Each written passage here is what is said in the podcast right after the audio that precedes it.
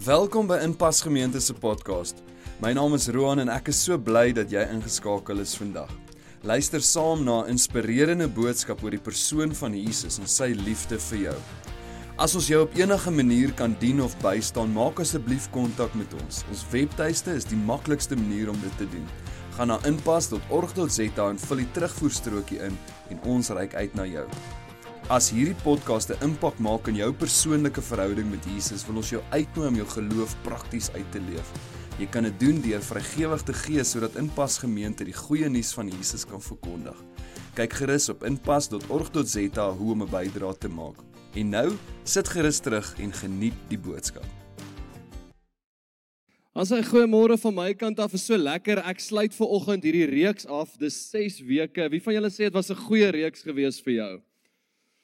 OK ja, ek hoor julle. maar dankie. Ja, ek dink hierdie reeks het soveel beteken vir ons om eintlik fundamentele waarhede net weer eens te kom vas lê in ons lewe. Is dit nie waar dat ons moet baie keer maar net soos die springbokke partykeer terugkom na die drawing board toe en vir mekaar sê luister, ons het nou weer so opgevang geraak in wat 'n Christen is dat ons die basiese goeders vergeet het, nê? Nee? En dis wat met ons gebeur. Dis wat selfs met ek wonder baie keer met die springbokke, veral met die blou bulle. Soos jy kan hoor is ek eintlik 'n strom stommer, 'n strommer. Ehm um, maar net soos enige professionele sportspan moet hulle terugkom na die drawing board en sê ouens, luister, ons moet terugkom na die basiese goeders toe. En dit klink so belaglik as jy dink wat daai ou verdien en hoe goed hy is. Hy's waarskynlik die wêreld se beste losskakel en jy moet hom terugvat na die drawing board toe en sê kan jy net oor die palle skop nê nee, of wat ook al. Ek meen die laerskoolkinders by Garsfontein skop hom mooi oor. En nou maar dis vir ons as Christene so nodig om terug te kom partykeer by die basiese goed, die goed wat fundamenteel is, want ons het so opgevang en verward geraak met die groot goeters en met die fancy goed van om 'n Christen te wees. So goed, ons het hierdie 40 dae van goeie nuus het ons begin by God wat ons onvoorwaardelik aanvaar en liefhet. En daarvan af het ons die pad gestap van hoe ons groei, nê, nee, hoe die Heilige Gees begin vrug dra in ons lewens. En vandag wil ek 'n teksgedeelte vir jou mee begin. Ons gaan eindig ook vandag met hom, maar dit som alles vir my op. Dit maak die sirkel vol dit voltooi die sirkel van hierdie liefde wat ons uiteindelik die verantwoordelikheid het en dis dis waar ons vandag gaan praat dapper liefde om hierdie liefde uiteindelik te kan uitleef. Hoor wat sê 1 Johannes 4 vers 8. Dit sê God is liefde. Dit is 'n volmaakte liefde. Nie dat ons vir God liefgehad het nie, maar dat hy ons liefgehad het en sy seun as versoeningsoffer gestuur het om ons sondes weg te neem. Dit was week 1, dis waar ons begin het. En dan in vers 11, geliefdes, as God dan as God ons dan so tot die uiterste toe liefgehad het, moet ons mekaar ook tot die uiterste toe liefhet. Nou dit klink altyd so mooi God is liefde en Jesus was lief vir ons en ons moet ander mense lief hê soos wat Jesus ons liefgehad het. Maar dis nie 'n antwoord nie, nee, dis 'n vraag. Dit vra die vraag, hoe het Jesus dit gedoen? En in meeste opsigte is dit eintlik, jy sal vanoggend hoor, gaan hierdie boodskap jou uitdaag, gaan hierdie boodskap jou challenge vir my en jou om regtig regtig hierdie liefde uit te leef. So in die eerste plek vanoggend sê ek dit so, om 'n Christen te wees, om 'n Christen te word is maklik. Dis waar ons week 1 was. Jy word sonder verdienste word jy gered. Jy kry dit as 'n geskenk. Jy doen niks, jy ontvang dit deur geloof. Word jy bloot 'n Christen. En dis maklik. Dis eenvoudig. Maar weet jy wat as ek begin om die Bybel te lees en ek lees wat skryf Matteus, Markus en Lukas, Dan is dit eintlik interessant oor hierdie woordjie wat ons vandag so maklik gebruik of moet ek sê die balkie wat ons so maklik opsit wanneer ons sê ek is 'n Christen. Dat in die eerste paar boeke, ek weet nie of jy dit geweet het nie, maar die Bybel hierdie woord kom eintlik nie maklik voor nie. 3 keer kom hierdie woord Christen voor in die hele Bybel. En hy kom eers eintlik 'n bietjie later voor, eers hier nader aan Handelinge se kant. En dit kom voor op 'n plek waar dis eintlik die tweede ek wil jou vat na 'n dorp toe 'n stad toe wat jy eintlik glad nie ken nie. Dis daar in Turkye vandag. Antiochia. Antiochia. Antiochia is vandag 'n stad daarso in in uh, Turkye wat eintlik Antakya is as jy vandag daarso land. Destyds was dit die tweede grootste stad in Rome. Was Rome gewees? En dan was dit Antiochia, Antiochia, so snaakse woord. Antioch, as jy dit wil gaan search in Google bietjie. Dit was 'n massiewe stad gewees. Hierdie mense het geglo in allerlei afgode. So hierdie klomp mense wat hulle self Jesus se volgelinge, disippels genoem het, was vir hulle vreemd. Hulle het eintlik hierdie woord Christene vir die eerste keer in hierdie stad begin gebruik. Nie soos wat ek en jy dit ken vandag nie. Dis die eerste keer gebruik as 'n neerhalende term, as 'n term wat eintlik op 'n spottende wyse gebruik word, as om daai groepie, daai sekte van Nasaret te spot en te sê die freaks van Nasaret. Dis die Christene. Christianos was die Griekse woord wat daar gebruik was. Dis die vreemde klomp wat anders is wat lyk soos Jesus. So ek lees vir jou dit hierso in Handelinge 11 vers 26 staan daar die disippels en hier is die eerste keer wat hierdie woord voorkom is die eerste keer in Antiochia vir die eerste keer Christene genoem. Wat die skrywer hierso vir ons wys, wat Lukas vir ons hierso skryf is dat die woord die eerste keer hier genoem is, maar ook heeltemal anders gebruik was destyds as vandag. Vandag gebruik ek en jy die woord Christendom amper soos jy's 'n burger van 'n land, soos byvoorbeeld ek's 'n Suid-Afrikaner, nê? Nee? Of ek is 'n Australianer. Ja, ek is 'n Christen en jy's 'n Moslem. So ons gebruik dit amper al verkeerd deesdae. 2.3 biljoen mense vandag op hierdie aarde se bodem sê dat hulle is Christene. Maar dis 'n balkie wat hulle dra as gevolg van iets wat hulle glo. So dis hoekom ons sê vandag om 'n Christen te wees, om 'n Christen te word, dis maklik. Dit kan soms baie maklik gebeur. Dat ek en jy onsself sommer net 'n Christen noem. Dat ek en jy glo, weet jy wat as ons die regte goed glo, dan is ek oukei. Okay. Om 'n Christen te wees is maklik. Dit gaan jou nie veel kos nie. Maar om Jesus te volg, en dis waarby vandag se boodskap uitkom, gaan jou altyd iets kos. Geskiedenis het ons hierdie ding geleer, nê, nee? dat die mense wat die grootste verskil gemaak het in geskiedenis, moes altyd 'n prys betaal het. Dit het nooit verniet gekom nie. Die mense wat die grootste verskil gemaak het in die geskiedenis van hierdie wêreld, moes altyd 'n prys betaal het. Daar was altyd 'n prys, daar was altyd iets op die spel. Hulle moes altyd iets neersit. Hulle moes altyd hulle lewe neerlê. Daar was altyd 'n doen gedeelte gewees wat moes gebeur het. Wie dit die meeste gekos het in die geskiedenis, het die grootste verskil gemaak. So toe Jesus kom en dis interessant, nê, nee, ek wil jou vat na na die eerste keer toe waar Jesus op die grasperk sit en preek voor hierdie disippels. Ek wens so ek kan daai dag daar gewees het toe hy daai dag gebring het vir ons wat ons vandag noem die bergprediking. Daai disippels wat daar om hom gesit het, hulle het nie eers verstaan wat hier aangaan nie. Hulle het aan Jesus se woorde in sy lippe gehang, maar wat hulle nie verstaan het nie, is daai dag op daai simpel eenvoudige grasperk is die westerse wêreld soos wat ek en jy dit vandag ken gebore daar. Elke liewe westerse beskawing wat jy vandag ken reg oor die aarde is gebou op wat Jesus daai dag op daai grasperk vir daai ouens gesê het. En hulle het nie eers dit besef nie. Hulle het nie eers besef wat hoor hulle vandag hier nie. Hulle het inspireer gevoel, maar vandag besef ons wat dit was, hoe waardevol dit was. Maar hier is 'n interessante ding, dat die bergprediking van Jesus was waarskynlik seker die mees bekendste preek wat hy ooit gepreek het maar ook die een wat die minste uitgeleef word, die minste gedoen word. En is in hierdie gedeelte vanoggend wat ons iets gaan lees en verstaan van van Jesus wat gekom het om 'n anderster koninkryk vir ons te bring, 'n kontrakulturele koninkryk te bring. Hy het eintlik gekom om heeltemal iets anders te doen as wat Rome voorbekend was op daai dag. Hy het begin goeie sê soos jy moet jou vyande lief hê. Hy het gesê jy moet jou vyande lief hê. Hy het gesê, weet jy wat as iemand jou slaan op jou wang, moet jy jou ander wang draai. Hy het goed begin sê soos jy moet vrygewig leef en jy moet gee. As iemand iets by jou wil leen, moenie iets terugverwag nie. Ekstreme goed wat Jesus begin sê het.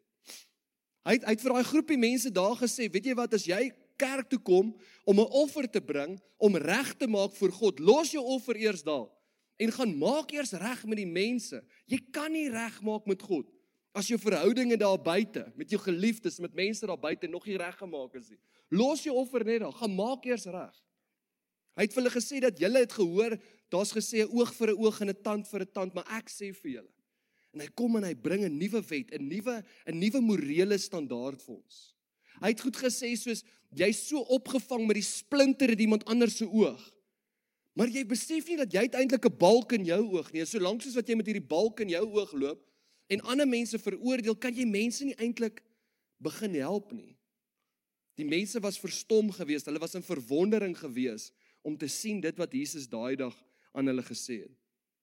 En aan die einde lees ons hierdie dit sê in Matteus 7 vers 28 en 29. En toe Jesus hierdie woorde geëindig het, was die skare verslaa oor sy leer, want hy het hulle geleer soos een wat gesag het en nie soos die skrifgeleerdes nie, soos een wat gesag het. En hier is Jesus na hierdie teksgedeelte besig om te loop op noord na waar hy meeste van sy tyd gebly het in sy bediening na bo na Kapernaum toe. En hy's besig om te loop. So hierdie ouens is excited. Klomp mense loop saam met hom en agter hom aan. Maar nou moet jy besef, hierdie goeters was groot woorde. Dit was 'n groot visie. Gaan hierdie ou en dit was die vraag. Gaan hierdie ou doen wat hy hier gesê het? Hy het nou baie groot gepraat, nê? Lekker groot mond. Ons ons ons Suid-Afrikaners het gesê het, ja, groot mond, nê? Kom ons sien of doen hy wat hy dit doen. Ons lees in Matteus 8, is net hy's op pad noord te loop. En toe hy van die berg afkom met 'n groot menigte hom gevolg. Nou is hierdie mense excited. Hulle wil nou sien gaan hierdie ou net 'n groot prater wees of gaan hy actually doen wat hy gesê het? En daar het 'n melaatse man gekom. Onthou nou wat wat was daai tyd die melaatse ouens? Hulle was buitekant. Nee, jy vat nie aan hierdie ou nie, nê? En voor hom neergeval en gesê: "Here, as dit U wil is, kan U my reinig." Jesus het nou net goed gesê dat salig is die wat treur, want hulle sal deur God self vertroos word. Salig is die wat arm van gees is, want hulle sal God beleef. Nou staan die mense so op 'n afstand. Al die mense soos weet jy wat ons gaan nie vat aan hierdie ou nie. Maar hierdie ou het nou net gesê, hy het nou net groot woorde gehad, gaan hy actually raak aan hierdie ou. Hy het nou net gepraat oor hierdie tipe ouens.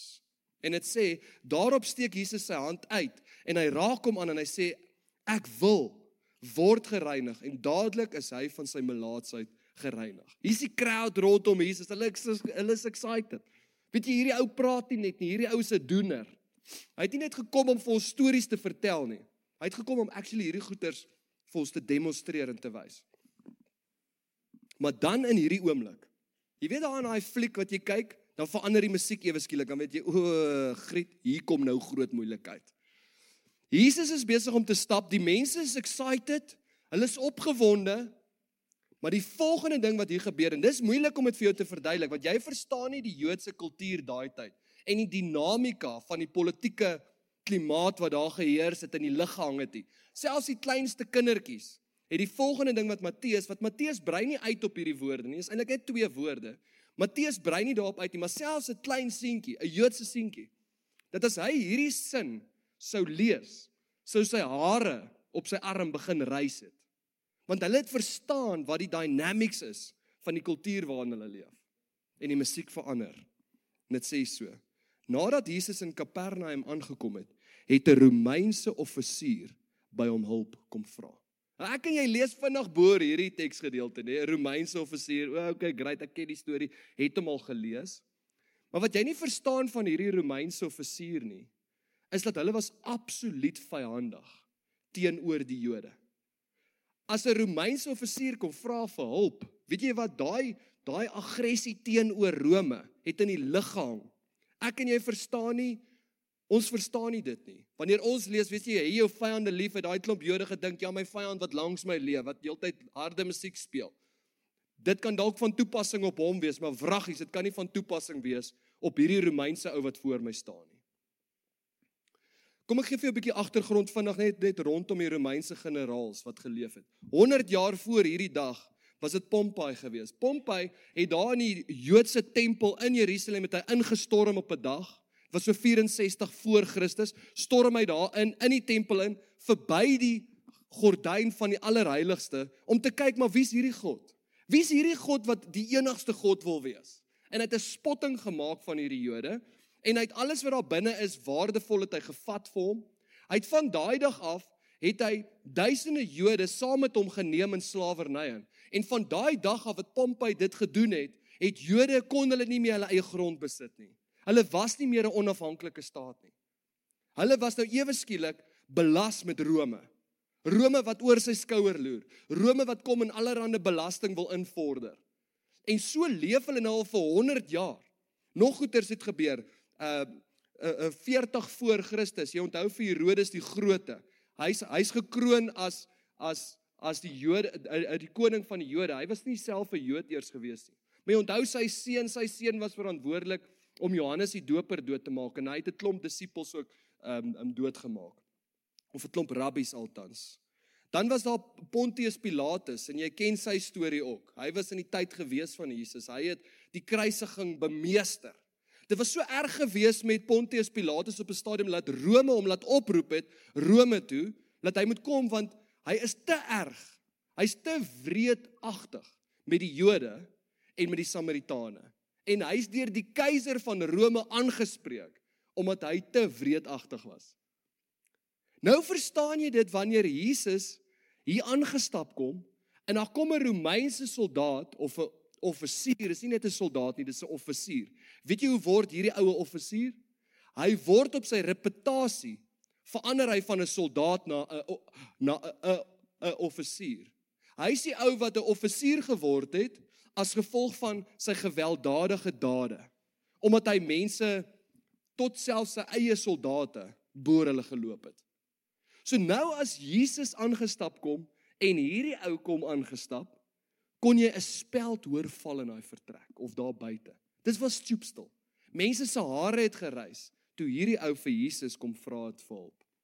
Want is diep in hulle DNA in. Ek dink nie daar was al ooit twee nasies wat mekaar so gehaat het soos wat hier gebeur het nie. En ek en jy verstaan nie altyd hierdie konteks en dit wat hier besig is om te gebeur nie.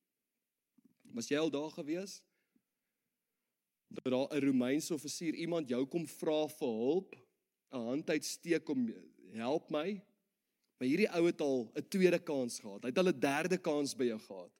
Hy het al sy 4de en 5de en 6de kans gemisbruik.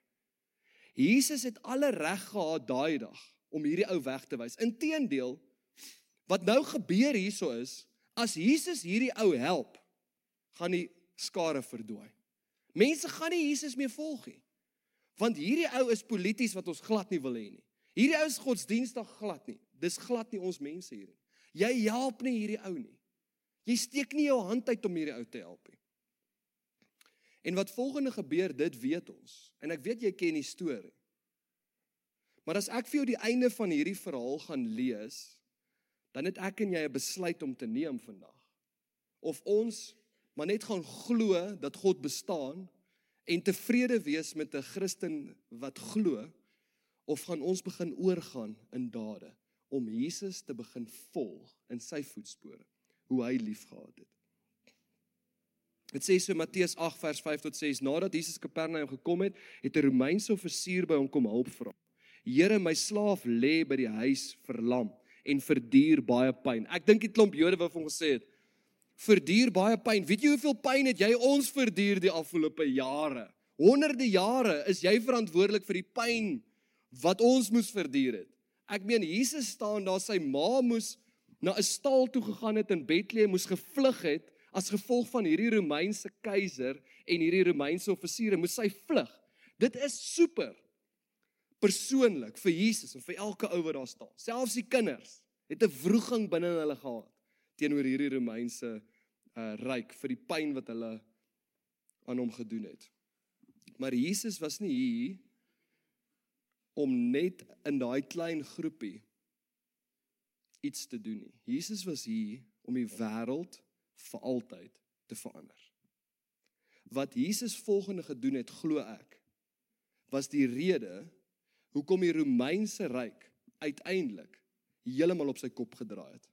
Van 'n goddelose afgodienende ryk waar hulle keisers aanbid tot vandag waar as jy in Rome kom is dit net kruise van 'n staat waar dit 'n Christelike staat is. En Jesus antwoord hom: Ek sal hom kom gesond maak. Waarop die Jode weer eens sê: Wat gaan jy in sy huise gaan? Onthou 'n Jood mag nie in hierdie ou se huise gaan nie. Jy sal onreinig verklaar word vir altyd. Maar die offisier sê: Here, ek is nie werd om onder Ek is nie werd dat u onder my dak inkom nie. Waarop die disippels en almal wat Jesus daai dag volg gesê, ja natuurlik, jy is nie dit werd nie. Jy's dit verseker nie werd nie, maar sê net 'n woord en my slaaf sal gesond word. Hoor hierdie ou se geloof.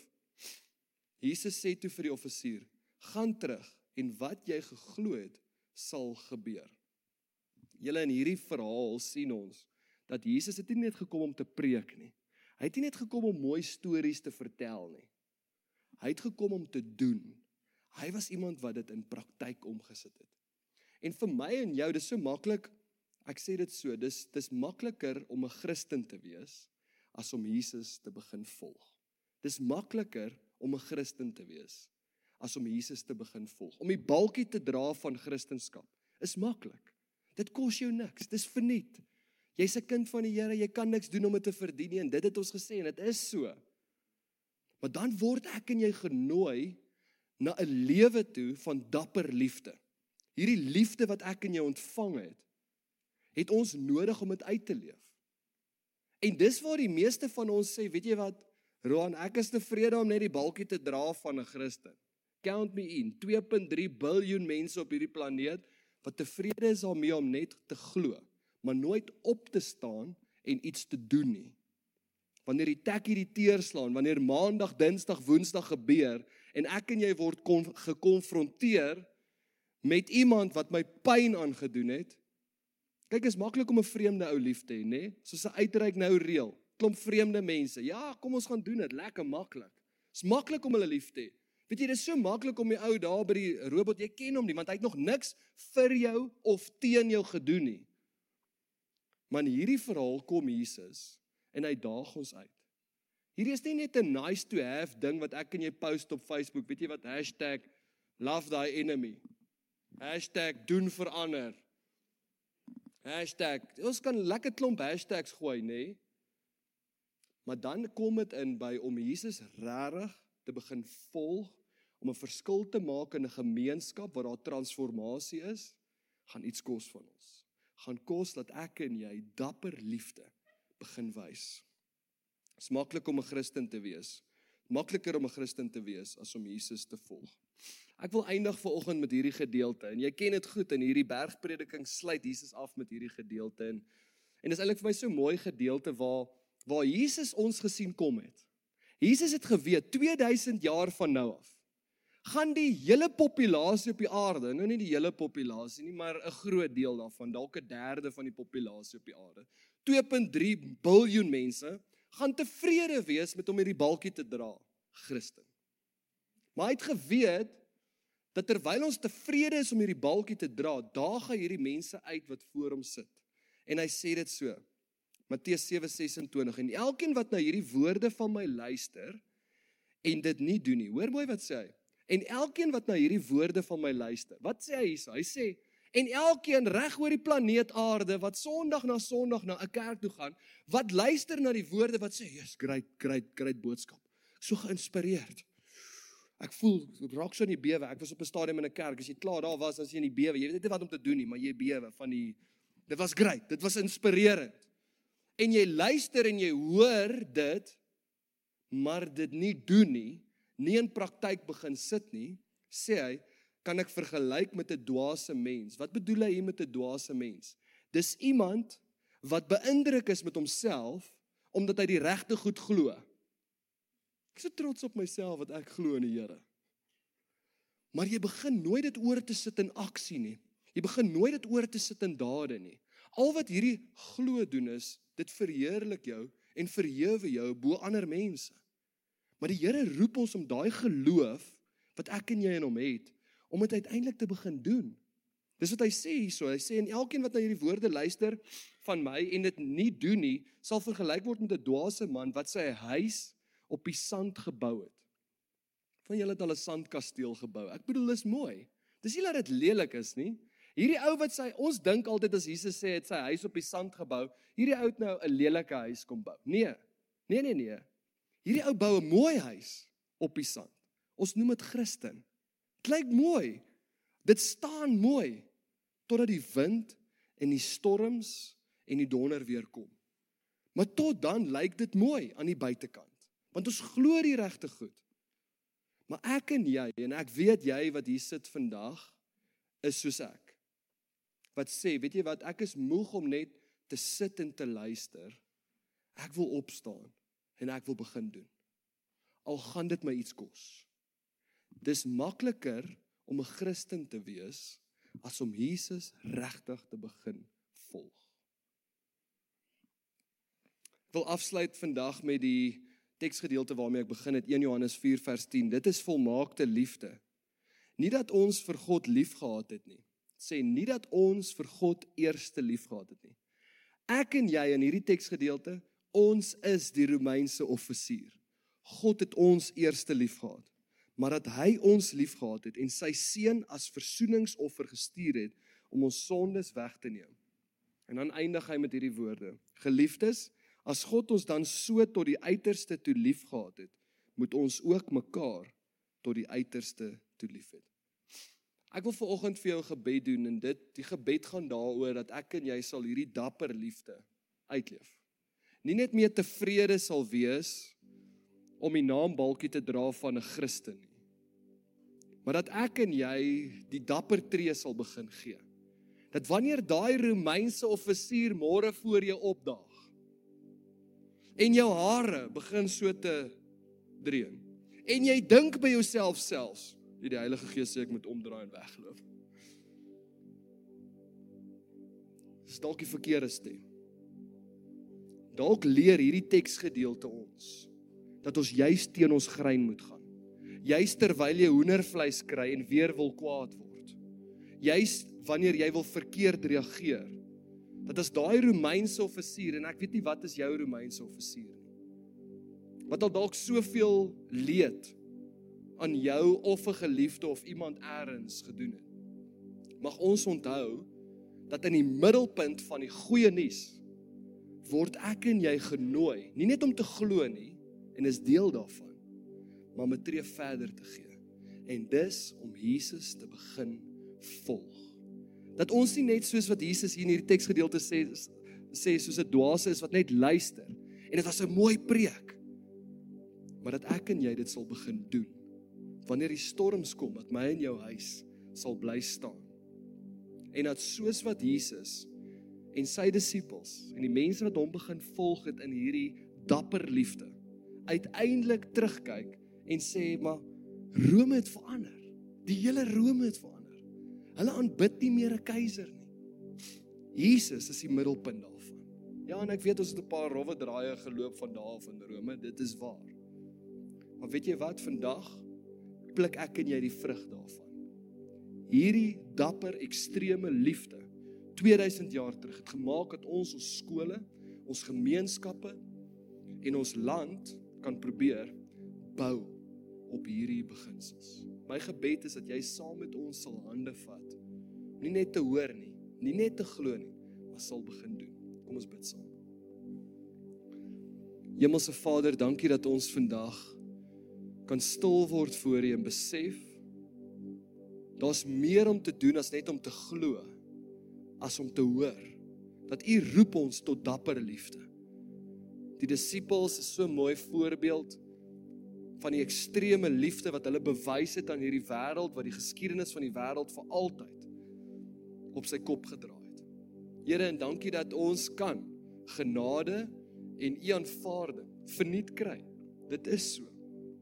Dankie dat ons niks hoef ooit te doen om onsself te bewys nie dat u ons kinders gemaak het van u koninkryk sonder dat ons enigiets doen sonder dat ons ooit iets probeer of onsself te bewys. Here, maar nou, nou dat ons kinders is van die Allerhoogste, van die liefde bo alle liefde. Here, mag U ons kom help, ons kom inspireer deur U Gees om hierdie dapper liefde uit te leef in Jesus naam.